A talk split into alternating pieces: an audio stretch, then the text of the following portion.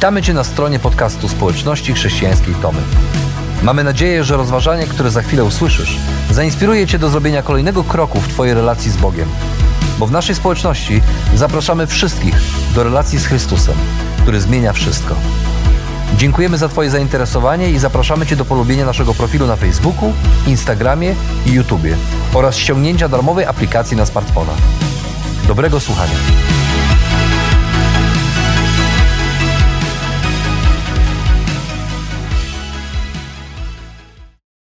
Kilka lat temu e, w jednej z najbardziej znanych gazet o tematyce gospodarczej, The Wall Street Journal, napisano takie słowa.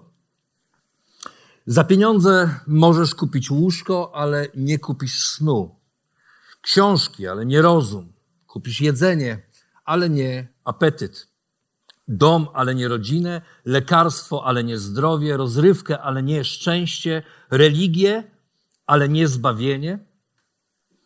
Innymi słowy, pieniądze to rzecz, która może być używana jako uniwersalny paszport do każdego miejsca, z wyjątkiem nieba.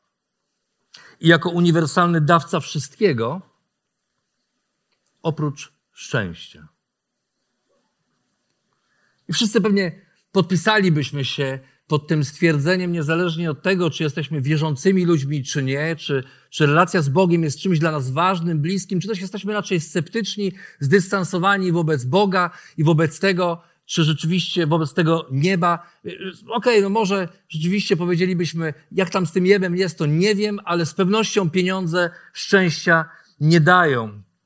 Można za nie kupić to, co materialne, ale to, co materialne nie daje ludziom prawdziwego szczęścia. Już na pewno, na pewno nie można za nie kupić wieczności, choć w przeszłości e, często próbowano.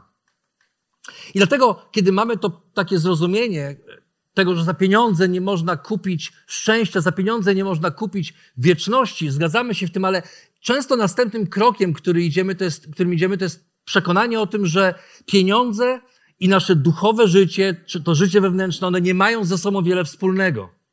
To znaczy, rozdzielamy te dwie rzeczy i myślimy sobie, no tak, za pieniądze szczęścia nie można kupić, za pieniądze y, nieba, paszportu do nieba nie można zdobyć, więc pieniądze to tu się przydadzą do czegoś, ale jeżeli chodzi o duchowe rzeczy, no to tutaj już jakby jest troszeczkę inna sprawa. Dlatego nie lubimy, kiedy w kościele mówimy o pieniądzach. Nie lubimy tego, nie lubimy, kiedy rozmawiamy o pieniądzach, nie lubimy o tym, kiedy słuchamy kolejne wyzwania. Często oburzamy się, kiedy słyszymy kolejne wezwanie do tego, że mamy się w coś finansowo włączyć albo że, że potrzebujemy zaangażować się finansowo w jakieś działania.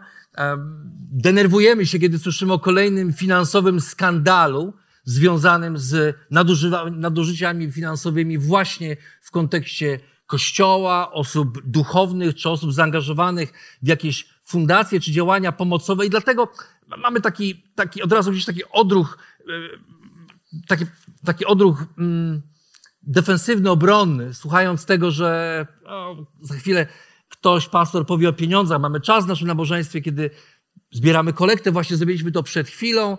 Niektórzy z nas mają nadzieję, że ten czas szybko minie, nie, nie, patrzymy na te koszyki, które gdzieś tam przechodzą, nie zwracamy na to uwagi. Inni z kolei mówią, a właśnie, to jest dobry moment. Mamy różne podejście do tych rzeczy, ale okazuje się, że to prawda, być może za pieniądze nie kupisz nieba ani szczęścia, ale to, jak wydajemy swoje pieniądze, podobnie jak to, jak inwestujemy swój czas, ma ogromne znaczenie dla Boga i Jego misji tu na ziemi. Jordan Peterson, kanadyjski psycholog kliniczny i profesor, e, profesor psychologii na Uniwersytecie w Toronto, powiedział kiedyś: Ludzie często pytają mnie, czy wierzę w Boga. Nie lubię tego pytania, bo żeby na nie dobrze odpowiedzieć, nie wystarczy deklaracja mojej wiary, ale muszę przyjrzeć się swojemu życiu, bo to ono w ostateczności świadczy o tym, w co wierzę.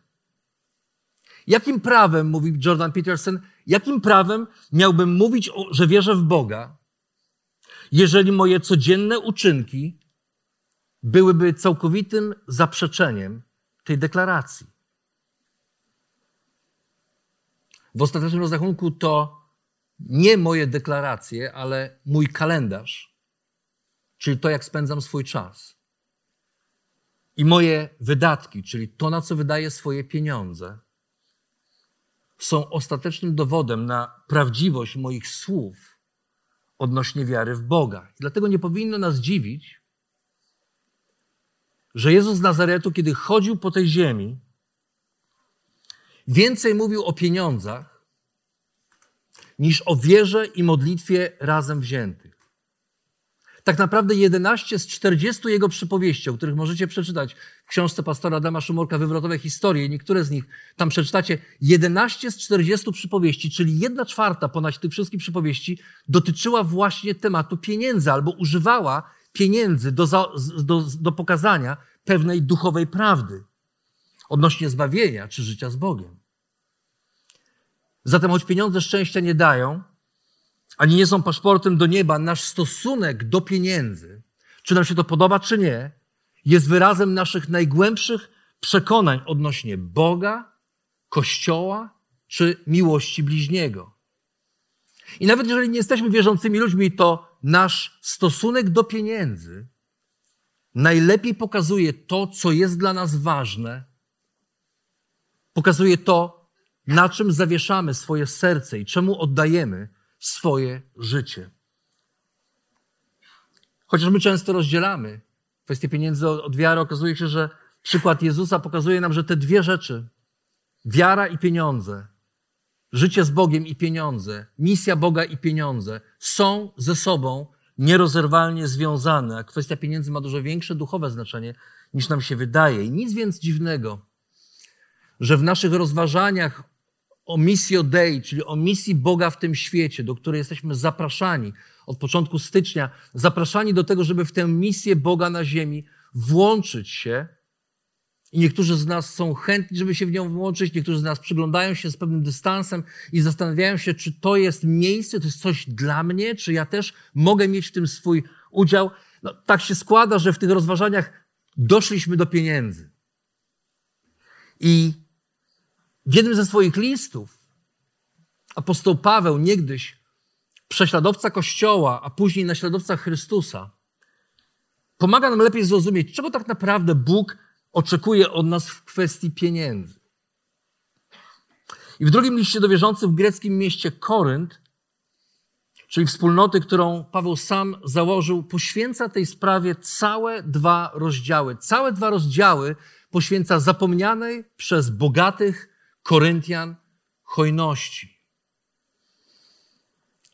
Jeżeli jesteś dzisiaj tutaj się z nami, albo oglądasz nas, czy słuchasz nas przez internet i, i nie jesteś wierzącym człowiekiem, to, to być może możesz teraz usiąść wygodnie i powiedzieć, to mnie nie dotyczy i to prawda. Ale zachęcam cię do tego, żebyś mógł wsłuchać się w te słowa, bo być może to, o czym, to, co Bóg mówi na temat pieniędzy, w jakiś sposób pomoże tobie zobaczyć, gdzie jesteś dzisiaj w życiu być może pomoże ci zrobić też kolejny krok w stronę tego, aby trochę przyjrzeć się temu, na czym ty zawieszasz swoje życie i gdzie jest twoje serce, jeżeli chodzi o kwestie nie tylko gospodarowania finansami, ale w ogóle. A jeżeli jesteś wierzącym człowiekiem, osobą, która naśladuje Chrystusa, która idzie, jak to mówimy, idzie za Nim, czyli, czyli próbuje Go naśladować w swoim życiu, to zachęcam Cię do tego, żebyś przyjrzał się tej historii, żeby wsłuchał się w nią uważnie i, i, i zanim za szybko osądzimy Koryntian w ich bogactwie i w ich nastawieniu, przypatrzmy się sobie i, popatrzmy na to, w jaki sposób być może ta historia jest też o nas. Żeby lepiej zrozumieć kontekst tego nauczania, musimy przyjrzeć się sytuacji, do której odnosi, Paweł się, do której odnosi się Paweł w swoim liście. Otóż jest to czas, kiedy w Jerozolimie nastał głód. Ten głód był zapowiadany również przez nowotestamentowych proroków. W Jerozolimie nastał głód i z tego powodu ucierpieli również żydowscy chrześcijanie. Ci z tego pierwszego kościoła, który narodził, który narodził się zaraz w dniu, yy, w dniu Pięćdziesiątnicy, kiedy Duch Święty został wylany na Kościół. Okazuje się, że cała Jerozolima, Judea głoduje, oni też są e, w trudnej sytuacji i apostoł Paweł e, zaczyna zbierać pieniądze, wsparcie dla tych osób z Jerozolimy wśród spo, społeczności czy wspólnot, które sam zakładał, również tych wspólnot, które nie wywodziły się z Żydów. powiedzielibyśmy tamtym językiem pogańskim, albo po prostu wśród nieżydowskich wspólnot. I szczególną ofiarnością w całej tej grupie różnych wspólnot i kościołów okazały się, okazali się Macedończycy, ludzie z dalekiego kraju, oddalonego od Jerozolimy kilkaset kilometrów, ludzie, którym tak naprawdę, mówiąc delikatnie, nie zbywało. To byli ludzie, którzy cierpieli niedostatek, ale słysząc historię o cierpieniu ludzi w Jerozolimie, e, wierzących w Jerozolimie, postanowili odpowiedzieć na, to, na, na, na ich potrzeby i zebrali hojny dar. I Paweł pisze do Koryntian swój kolejny już list i w tym liście przywołuje przykład Macedończyków i chce zachęcić bogatych Koryntian, tych, którym naprawdę, nie, naprawdę jakby żyli w obfitości i byli znani z tego, że to był bogaty kościół. Chce ich zachęcić, pokazując przykład ubogich Macedończyków, że oni już się zebrali i, i właśnie zebrali te pieniądze i teraz ich zachęta może być zachętą dla, również dla Koryntian. A dalej, kiedy czytamy tę historię, okazuje się jeszcze coś ciekawego, że ci sami Koryntianie już tak naprawdę rok temu zadeklarowali swoją chęć wsparcia dla Jerozolimy. Powiedzieli, tak, tak, tak, zbierzemy te pieniądze, tak, tak, wesprzemy, ale później w wyniku konfliktu z apostołem Pawłem wstrzymali swoją pomoc. Zaczęli zarzucać Pawłowi to, że w tym czasie przyszli do ich społeczności, czy pojawili się w ich społeczności bardziej spektakularni liderzy. Ludzie, którzy mówili lepiej niż Paweł, byli bogatsi niż Paweł. I oni spojrzeli na tego Pawła, który założył tę wspólnotę i powiedzieli, Pawle, wybacz, ale są ludzie, którzy mówią lepiej, wyglądają lepiej, e, mają więcej, więc ich będziemy słuchać, a nie ciebie. I Paweł pisze jeden list, kiedy rozprawia się z tymi różnymi problemami, które działy się tam w kościele w Koryncie, a później, później z tego co wiemy, napisał jeszcze jeden list, który akurat, akurat jego nie znamy, i potem prawdopodobnie dopiero wtedy pisze kolejny list. Ten list, którym nazywamy drugim listem do Koryntian, jest już tak naprawdę kolejnym listem, który apostoł Paweł pisze, i wydaje się, że konflikt jest już zażegnany, i, wreszcie można wrócić do pewnych rzeczy, które są ważne. I dlatego Paweł wraca do tej zbiórki i mówi: Hej, Pamiętacie rok temu? Zadeklarowaliście się, no to dokończcie to, co zaczęliście, czyli wy dopełnijcie swoich obietnic, które złożyliście rok temu. I na początku ósmego rozdziału Paweł daje im do zrozumienia, skąd się bierze hojność. Tak naprawdę przechodzi z nimi przez tak jakby trzy etapy. Mówi, skąd się bierze hojność, potem mówi o istocie, sednie hojności, a na końcu pokazuje, pokazuje rezultaty tego, czym co hojność sprawia w życiu innych ludzi. Paweł zaczyna od tego, żeby pokazać, dlaczego jako wierzący w Chrystusa ludzie powinni dzielić się tym, co mają z innymi. I mówi tak, nie chodzi przy tym, przy tym dawaniu, aby innym przynieść ulgę, a samemu narazić się na brak. Nie, mówi, chodzi o równowagę. Niech teraz wasz nadmiar wyrówna ich niedostatek. Kiedyś być może ich nadmiar wyrówna wasz brak i w ten sposób będzie równowaga, zgodnie ze słowami ten, kto wiele zebrał, nie miał za wiele, ale ten, kto mało, kto, a ten, kto mało, nie miał za mało. Wygląda to, na to, że bogaci Koryntianie mieli problem ze zrozumieniem, dlaczego tak naprawdę mają się dzielić. Być może nawet towarzyszyła im obawa, że że dając hojnie na innych, sami wpędzą siebie w ubóstwo. I być może to jest problem, z którym my też się zmagamy dzisiaj. Myślimy sobie, no ja bym wsparł kogoś, ja bym oddał część tego, co mam. Ja, rozumiem to wezwanie do tego, że trzeba się dzielić, ale, ale co jeżeli oddam i sam będę, nie będę miał na zapłacenie rachunków? Ale Paweł rozwiewa ich wątpliwości i daje do zrozumienia, że początkiem naszego dawania jest przede wszystkim zrozumienie, skąd mamy to, co mamy, czyje jest to, co mamy i dlaczego mając więcej powinniśmy dzielić się z tymi, którzy mają mniej. I w tym krótkim cytacie na końcu tej wypowiedzi nawiązuje do Księgi Wyjścia, do historii, kiedy Bóg troszczył się o lud izraelski, kiedy wyprowadził ich z ziemi egipskiej, z domu niewoli i oni szli przez pustynię i czytam o tym, że Bóg każdego dnia zsyłał im świeżą mannę z nieba i zabronił im zbierać więcej niż mogli zjeść. Powiedział, nie zbierajcie więcej, tyle ile wam potrzeba. A jutro, jutro będzie nowa manna, świeża manna i ona zaspokoi wasze potrzeby na ten dzień. I w ten sposób Bóg dał im do zrozumienia trzy rzeczy. Po pierwsze, że to On jest dawcą wszystkiego. Po drugie, że to On się o nich troszczy. I po trzecie, że Bóg daje im tyle, ile im potrzeba. I oni mogą żyć z tego, co im potrzeba, a niekoniecznie z tego, co mogliby spełniać, czy przez co mogliby spełniać swoje zachcianki.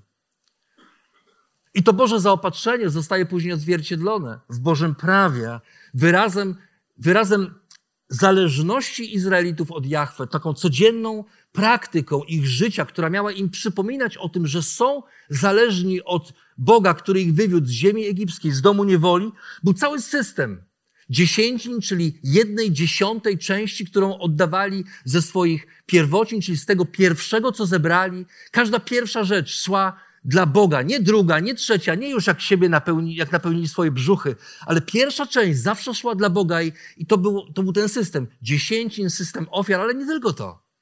Izraelici na przykład w swoim prawie mieli zapisane to, że kiedy zbierali zboże, kiedy zbierali kłosy żyta, mieli zostawiać na, z boku na polu trochę żyta dla tych, którym się lepiej, którym się gorzej wiodło.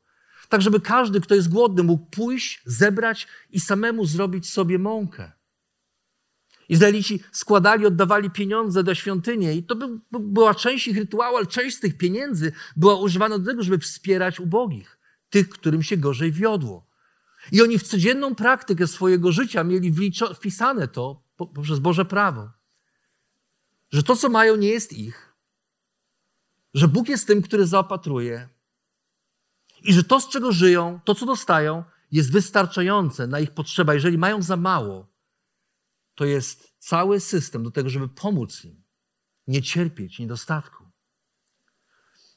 I te praktyki znalazły później odzwierciedlenie w, również w praktyce no, Kościoła Nowego Testamentu, kiedy doktor Łukasz, autor Ewangelii i dziejów apostolskich, opisuje początki pierwszego Kościoła właśnie w Jerozolimie, tej Jerozolimie, która teraz cierpi głód. Czytamy że o tym, że kilkakrotnie, kiedy opisuje tę pierwszą wspólnotę, pisze o tym, że wszystko mieli wspólne, że, że nikt nie cierpiał niedostatku, że, dzielili, że sprzedawali to, co mieli i oddawali apostołom, a oni rozdawali innym tak, żeby nikt nie cierpiał biedy.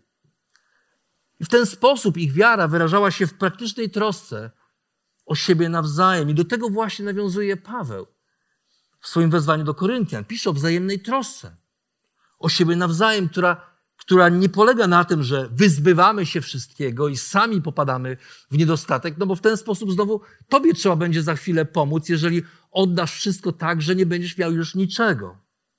Ale Paweł mówi, nie, nie, to nie o to chodzi, że, że wyzbywamy się wszystkiego po to, żeby samemu cierpieć niedostatek, ale mówi, z nadmiaru wyrównujemy czyjś niedostatek. Są wśród nas tacy, którym powodzi się lepiej. Z różnych powodów. Naprawdę z różnych powodów. I są wśród nas tacy, którym pogodzi się gorzej. Z różnych powodów. Bardzo różnych. Czasem bardzo nieoczywistych. I Paweł mówi we wspólnocie, Bóg jest tym, który jest, czy w, czy w życiu w ogóle, Bóg jest tym, który jest właścicielem wszystkiego, więc to, co mamy, mniej czy więcej, tak naprawdę to nie jest nasze. Nie jest nasze. Twój dom nie jest twój, twój samochód nie jest twój, twoja firma nie jest twoja. Twoje pieniądze nie są twoje. Ja wiem, że my się przywiązujemy, ale jeżeli spojrzysz na to z Bożej perspektywy, okazuje się, że to wszystko i tak należy do Boga. Ty dostajesz możliwość zarządzania tym tylko tyle i aż tyle na pewien okres czasu. I to pytanie, przed którym stajemy, to jest pytanie, jak tym zarządzać. I Paweł mówi, ty zarządzasz tym, co masz więcej, a są tacy, którzy zarządzają tym, co mają mniej. I dobrze. Ale jeżeli masz więcej, to został ci ten nadmiar dany po to, żeby wyrównać czyjś niedostatek, i zwłaszcza w kontekście Kościoła. Jeżeli we wspólnocie wierzących ludzi są ludzie, nie, że są ludzie ubodzy, bo zawsze są ludzie ubożsi i bogatsi, ale jeżeli są w wspólnocie, we wspólnocie ludzie, którzy nie mają co do garnka włożyć, nie mają czym zapłacić rachunków i Kościół, wspólnota nie robi nic, żeby im pomóc, Paweł mówi, to jest, to jest złe. Jeżeli ciebie to nie obchodzi, bo myślisz sobie, no mógł lepiej pracować, albo mógł też zdobyć wykształcenie, albo mogła nie pić. Paweł mówi, to w ogóle nie jest argument. To w ogóle nie jest argument. Dzisiaj ktoś ma więcej, jutro ktoś ma mniej. Skąd wiesz, że jutro, tak jak Paweł pisze, za jakiś czas może być tak, że to oni, ci z Jerozolimy, uzupełnią swoim nadmiarem twój niedostatek. Skąd wiesz, że za jakiś czas ty nie będziesz miał mniej? I ktoś inny będzie mógł wyrównać twoje, twój niedostatek. Doskonale zrozumieli to starsi jednego z kościołów Stanów Zjednoczonych, kościoła Cornerstone Community Church w Simi Valley w Kalifornii. Podczas jednego ze spotkań modlitewnych, czytając o pierwszym kościele, siedzieli razem, to byli liderzy kościoła, siedzieli razem takim kółku i czytali o pierwszym kościele i modlili się. I nagle w pewnym momencie, czytając te słowa o, o tym, że wszystko mieli wspólne i razem dzielili się i nikt nie cierpiał niedostatku, nagle jeden z nich wstał, wyciągnął swoje kluczyki od samochodu i położył na środku. I powiedział, patrząc na każdego z liderów kościoła, powiedział, to jest moje auto, ale nie jest tak naprawdę moje. Jeżeli będziesz potrzebował, daj mi znać. Ono jest Twoje, tak samo jak jest moje. I patrząc na niego, kolejny starszy wstał i wyciągnął swoje kluczyki od domu. Położył klucze od domu i powiedział: Masz rację, to, to nie jest mój dom. To jest mój, ja nim zarządzam, ale jeżeli kiedykolwiek ktoś z Was będzie potrzebował miejsca do spania, schronienia, to jest również Wasz dom. Chcę, żebyście tak go traktowali. A potem ktoś wyciągnął portfel, a inny wyciągnął kartę kredytową. I nie wiem, co tam jeszcze wyciągali, ale w pewnym momencie zrobiła się całkiem pokaźna, pokaźna Dużo rzeczy tam było na środku. I myślę sobie, oni to załapali. Bo w tym prostym, symbolicznym geście pokazali Bogu i sobie nawzajem, że to, co mają, nie jest ich. I, i to, co mają, dostali do zarządzania na pewien okres czasu i mogą dzielić się tym, co mają, z tymi, którzy są w potrzebie. Dlatego my również jako wspólnota szukamy okazji, żeby przez to, co dajemy, przez to, co zbieramy co tydzień, co zbieramy poprzez kolektę, poprzez nasze, nasze, naszą ofiarność, którą zbieramy na konto, poprzez różnego rodzaju działania pomocowe, to wszystko, co robimy, zbieramy po to, żeby pomagać ludziom i wyrównywać ich brak w danym czasie. I wiecie o tym, ponieważ na tej sali jest wiele osób, które z tej pomocy skorzystało. Nie dlatego, żeby komuś coś wypominać, właśnie nie, właśnie po to, żeby się cieszyć tym, że możemy to zrobić. Bo hojność bierze się z przekonania, że Bóg zaopatruje nas we wszystko, czego potrzebujemy, dlatego możemy dzielić się z tym, co mamy z innymi. I to jest niezwykła praktyka, która pomaga nam ufać temu, że to, co mamy, jest od Boga i że Bóg naprawdę troszczy się o nas. I w tym miejscu jednak moglibyśmy zadać pytanie, no dobra, ale w takim razie hojność to przywilej bogatych, tak? No bo jeżeli Paweł mówi o tym, że hojność polega na tym, aby wyrównywać czyjś, czyjś niedostatek swoim nadmiarem, to znaczy, że jeżeli mi dzisiaj brakuje, albo bardziej brakuje niż zbywa, to w takim razie jestem zwolniony z hojności. Niech, niech to ci, co mają, niech dają, a, a ja, ja nigdy nie miałem, nie mam i być może nie mam zbyt wiele, nie mam czym się podzielić, to poczekam, aż mi dadzą i może kiedyś będę mógł też dać, jak, jak pewnego dnia, pewnego dnia i rzeczywiście Paweł w tej sytuacji pisze do ludzi bardziej zamożnych, żeby podzielili się tym, co mają z, z mniej zamożnymi. Ale zwróćcie uwagę, że za przykład hojności wcześniej podaje właśnie ubogich Macedończyków. On mówi, to pięknie, że się zdeklarowaliście, kochani Koryntianie, bogaci Koryntianie, rok temu, hello, rok temu zdeklarowaliście się, że dacie na tą, na, na, że wesprzecie tych głodnych w Jerozolimie. Oni przez rok czasu tam jakoś sobie radzą. W tym czasie biedni Macedończycy zebrali się i już dali te pieniądze i już złożyli ten dar, a wy na co jeszcze czekacie? Miłe, dobre słowa, ale, ale, ale, ale trzeba coś z nimi zrobić. I Paweł pokazuje, że, że to nie jest kwestia, hojność nie jest przywilejem bogatych. Ale hojność jest postawą serca każdego, kto wierzy w troskę i zaopatrzenie przez samego Boga. I w ten sposób Paweł dotyka sedna tego, czym jest hojność i jak się wyraża. I pisze tak: Pragnę bowiem podkreślić, kto skąpo sieje, skąpo też rządź będzie, a kto obficie sieje, obficie rządź będzie. Każdy więc niech się dzieli tak, jak postanowił w sercu, nie z żalem albo z przymusu, gdyż Bóg kocha radosnego dawcę. Te słowa co tydzień pojawiają się na ekranie społeczności chrześcijańskiej Tomy w trakcie, kiedy zbieramy kolekty. Być może nie zwróciliście na to uwagi. Ale to są właśnie te słowa. Bóg też jest w stanie udzielić wam obficie wszelkiej łaski, abyście zawsze we wszystkim mieli dostatek i coraz częściej brali udział w każdym dobrym dziele, zgodnie ze słowami hojnie rozdziela, wspiera ludzi, wspiera ludzi biednych, Jego sprawiedliwość trwa wiecznie. I Paweł w tym krótkim fragmencie mówi o czterech, czterech rzeczach, które składają się, czy pokazują nam to sedno, przepraszam, tego, czym jest hojność. Po pierwsze, Paweł mówi o wolności, że prawdziwa hojność wypływa z wolności, tak jak postanowiłeś sobie w sercu, nie z żalem, nie z przymusu. To nie jest tak, że dając masz, masz pokazywać wszystkim, jak to cię kosztuje, jak to sobie od ust sobie odjąłem. Wiecie, to, to takie nasze polskie myślenie, tak, żyły sobie wypruwam. Nie, nie, nie, nie, to, to jest, to nie o tym. Paweł mówi, bądź wolny w tym. Nie z przymusu. Tyle, ile możesz dać, żeby nie czuć przymusu, że dajesz. I to prowadzi nas do drugiej rzeczy. Paweł mówi, niech to się dzieje w wolności, ale niech to będzie też radosne dawanie. Bóg kocha radosnego dawcę. I tu nie chodzi o to, ile dajesz, ale chodzi o to, czy potrafisz cieszyć się tym, co dajesz, ile dajesz. I to jest niezwykle ważne, bo to jest to, co odróżnia chrześcijan od każdej innej religii na świecie. Bóg patrzy na motywację Twojego serca, a nie na kwotę, którą dajesz.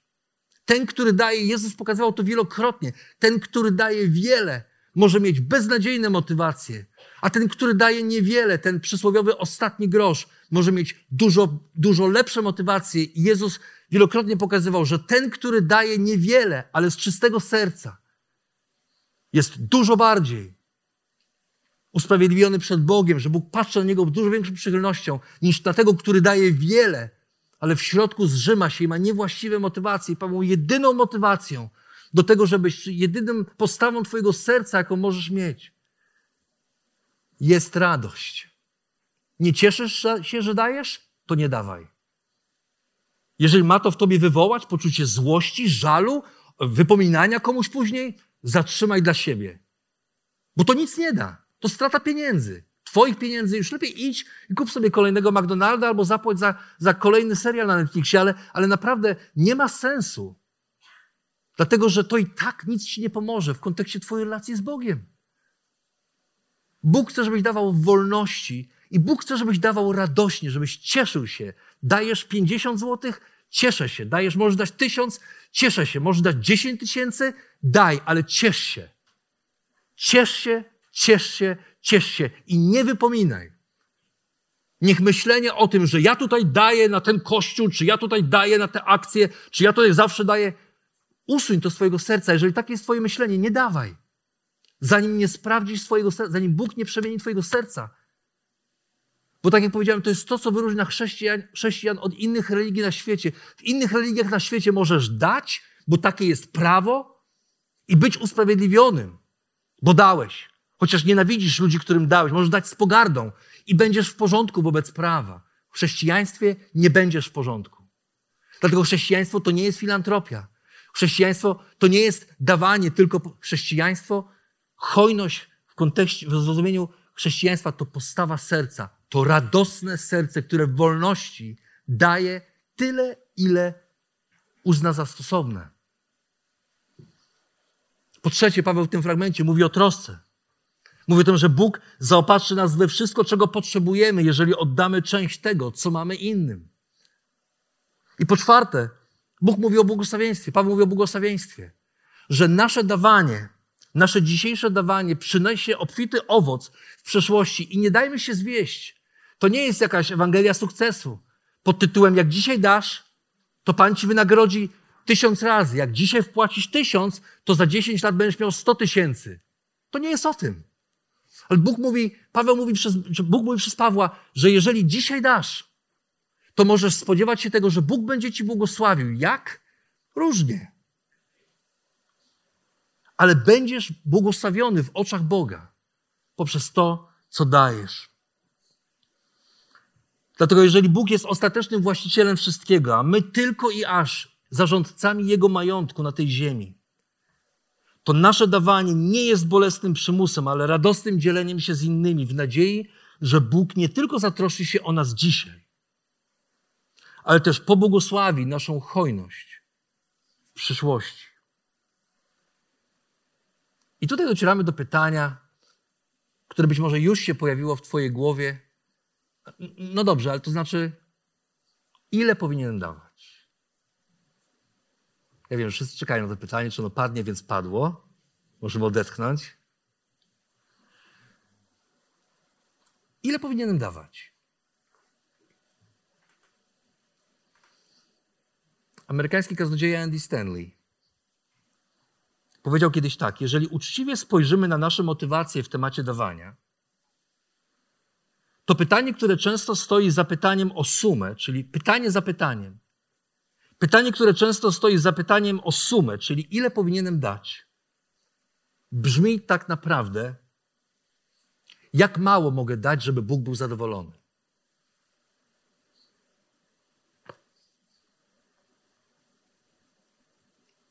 Czasami, kiedy zadajemy to pytanie i wejrzymy głębiej w swoje serce, zdamy sobie sprawę z tego, że pytanie nie jest o to, jak mogę hojnie dać, jak mogę kogoś pobłogosławić.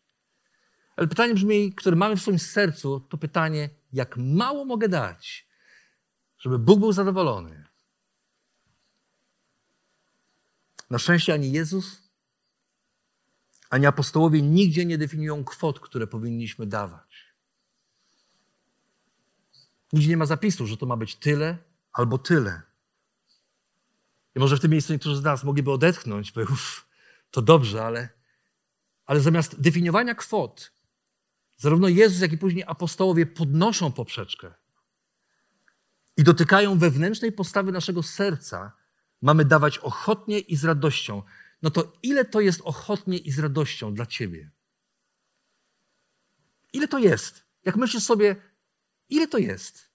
Ochotnie i z radością. Dlatego zamiast pytać, ile mam dać, zadaj sobie inne pytanie. Wyrzuć to pytanie, ile mam dać. Odrzuć to. Nie, wywal ze swojego słownika. Zadaj sobie inne pytanie, jak wiele mogę dać z radością i bez przymusu.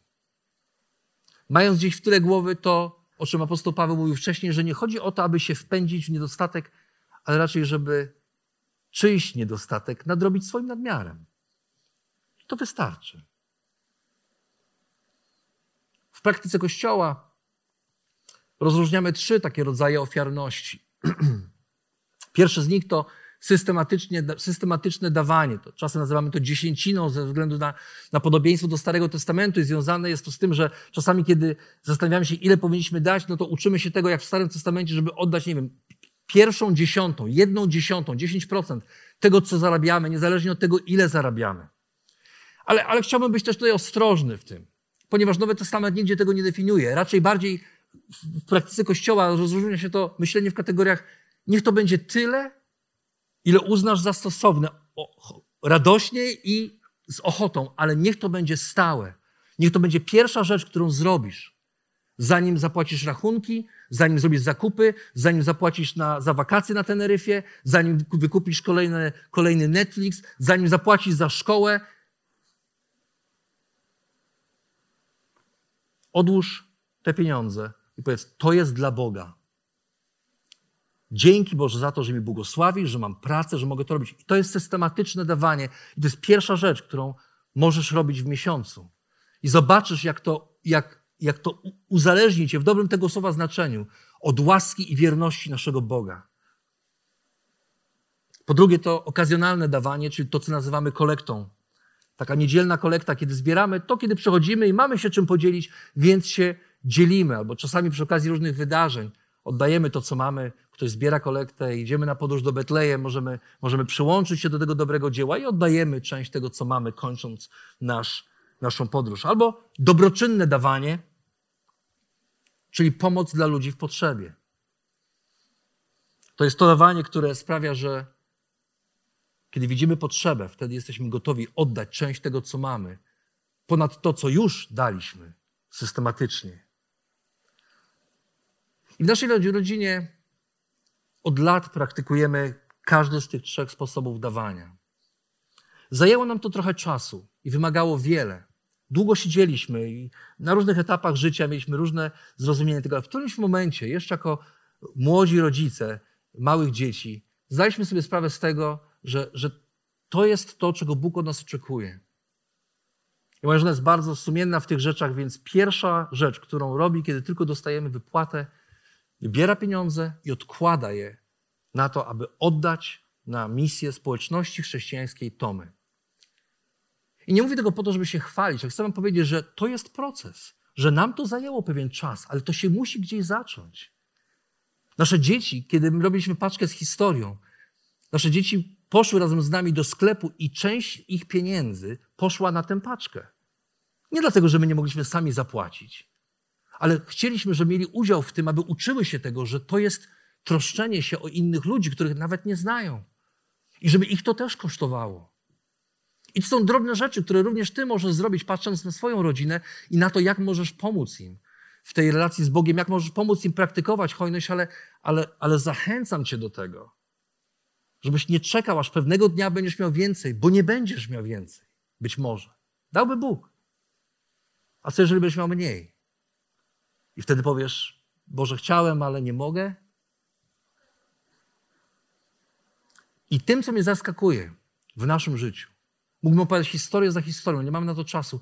Tym, co mnie zaskakuje, jest to, że Bóg troszczy się o nas i błogosławi i nigdy, nigdy nie spóźnia się ze swoim zaopatrzeniem. Czy to przez ludzi, czy to wtedy, kiedy brakuje nam na zapłacenie jakiegoś rachunku, czy to w momencie, kiedy pojawia się jakaś nieoczekiwana potrzeba, której nie, której nie wiedzieliśmy na początku miesiąca czy miesiąc wcześniej. Bóg zawsze odpowiada na, swoje, na, na nasze potrzeby i zawsze troszczy się o nas. Nie zawsze finansowo. Czasami też poprzez satysfakcję, którą daje nam to, kiedy widzimy, jak to, że możemy dawać, daje nam poczucie spełnionego życia i tego, że się nie trzymamy kurczowo tego, co mamy. Jesteśmy wdzięczni Bogu za to, co mamy. Ale to nie jest nasze. Mój dom nie jest nasz. Mój samochód nie jest nasz. Moje pieniądze nie są moje. I tego staramy się uczyć. I tego staramy się, w ten sposób staramy się żyć, aby być częścią Jego misji w tym świecie. Dlatego hojność to postawa wolnego i radosnego serca, które świadome Bożej troski na co dzień ufa Bożym obietnicom na przyszłość. I okazuje się, że nie tylko obdarowywani mogą mieć z tego korzyść. Ten zaś, który dostarcza siewcy ziarno i karmi go chlebem, mówi Paweł, zaopatrzy również was, pomnoży wasz zasiew i przysporzy owoców waszej sprawiedliwości. Dzięki niemu, bogaci we wszystko, będziecie mogli celować w hojności, która za naszym udziałem wywołuje wdzięczność dla Boga. Trzeba wam bowiem wiedzieć, że udział w tej posłudze nie tylko wypełnia niedostatek świętych, ale także ze strony wielu owocuje wdzięcznością dla Boga. Namacalny dowód tej posługi sprawi, że będą oni chwalić Boga za wasze posłuszeństwo związane z wyznawaniem zasad dobrej nowiny Chrystusa. Będą go też chwalić za szczerość waszego poczucia jedności z nimi oraz ze wszystkimi, poza wsparciem w modlitwie, którego wam u nich nie zabraknie. Darzyć was będą wielkim uczuciem z powodu przebogatej łaski Boga względem was. Bogu, nie mi, nie nam, nie wam, nie tym, którzy dają, ale Paweł mówi, Bogu niech będą dzięki za Jego niewysłowiony dar. I okazuje się, że ostatecznym efektem naszej hojności jest wdzięczność dla Boga.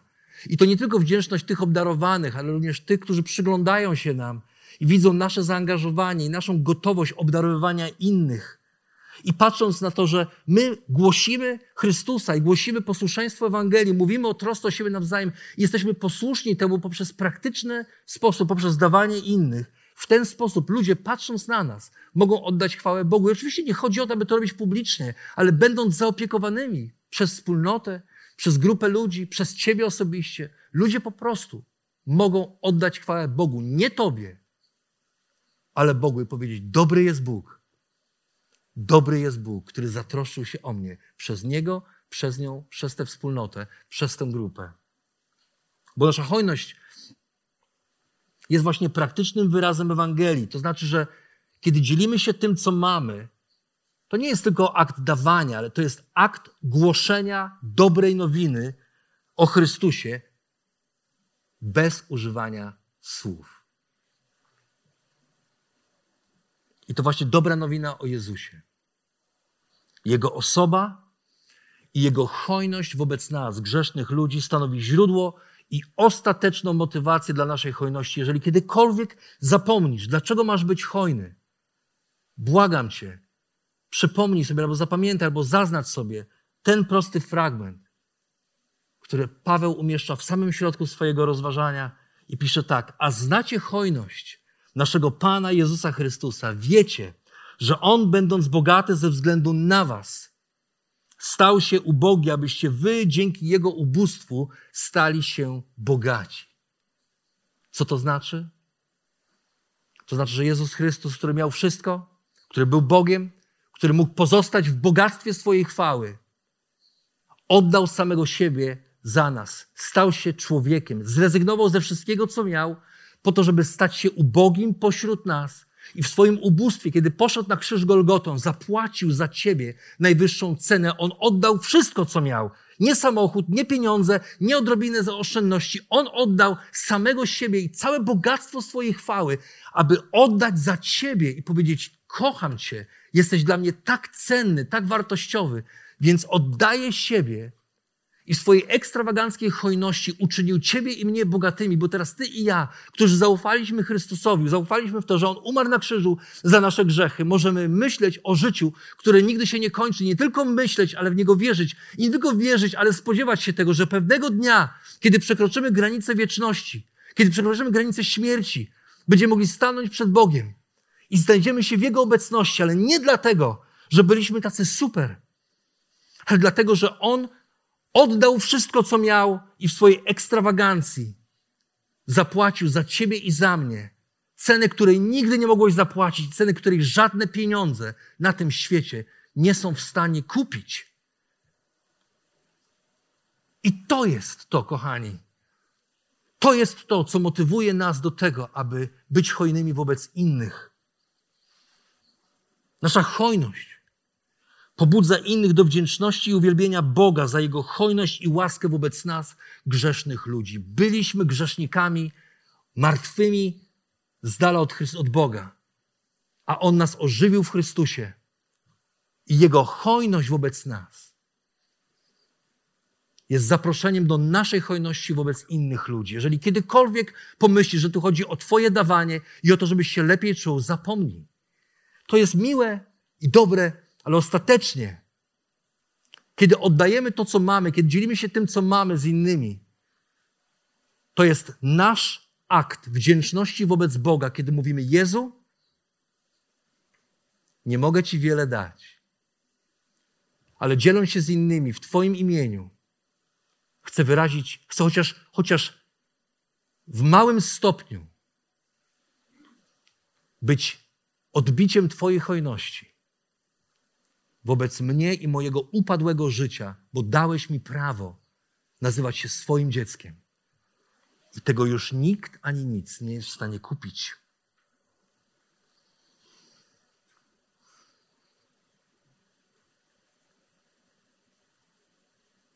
I jako społeczność chrześcijańska to my chcemy być znani z hojności. Jeżeli jesteś częścią tej wspólnoty, to, to, to chciałbym Cię prosić, błagam Cię, abyś był hojny. Abyś praktykował na co dzień to, właśnie też w ten sposób, to, co Bóg uczynił dla ciebie w Chrystusie. I nie starczyłoby czasu, żeby wymienić wszystkie okoliczności, sytuacje na przestrzeni lat, kiedy wasza hojność dała nam wszystkim, jako wspólnocie i niektórym z nas indywidualnie, gotowość czy możliwość opowiedzenia o Chrystusie ludziom, którzy Go nie znają. Dzięki waszej ofiarności, ofiarności ludzi z Polski, z zagranicy, udało nam się przez te wszystkie lata, to już jest to już 16 lat, jak jesteśmy w tym budynku. I przez 16 lat udało nam się 14 lat, 16 lat, jak kupiliśmy ten budynek. Przez te lata udało nam się płacić rachunki. Udało nam się przetrwać trudne czasy pandemii. Udało nam się wysyłać ludzi do ośrodków leczenia uzależnień. Udało nam się pomagać osobom w trudnej sytuacji życiowej. Udało nam się sprawić, że nikt pośród nas nie cierpiał niedostatku. Udało nam się zapłacić za rzeczy, za które ktoś nie mógł zapłacić. Udało nam się zapłacić rachunki ludzi, którzy nie byli częścią tej społeczności. Przyszli tutaj podczas jednego z nabożeństw. Może, może, może niektórzy pamiętają. Przyszli do przodu i złożyli razem, razem z, tutaj z kolektą swoje rachunki. Nie do zapłacenia. I tydzień później wszystkie te rachunki z waszych ofiar zostały zapłacone. Dzięki Bogu za to. I to, był, to nie było, o, to nie chodziło o rachunki. To chodziło o przypomnienie tym ludziom, że nie są sami, że Bóg ich kocha i że troszczy się o nich, a, a narzędziem Jego troski jest Jego Kościół. Ty i ja w hojnym, radosnym dawaniu. Dlatego dziękujemy Wam za to. I wierzymy, że przed nami kolejne możliwości, aby ludzie, którzy mogą zobaczyć naszą wzajemną troskę o siebie nawzajem, tu we wspólnocie i troskę o innych, zobaczyli, a nie tylko usłyszeli, ale zobaczyli dobrą nowinę o Chrystusie. Bo kiedy żyjemy hojnie, nasza hojność wobec innych jest obrazem Bożej hojności wobec nas, grzesznych ludzi. I pobudza ich do wdzięczności i uwielbienia Boga. I oto, kochani, są rzeczy, których żadne pieniądze na tym świecie kupić nie potrafią.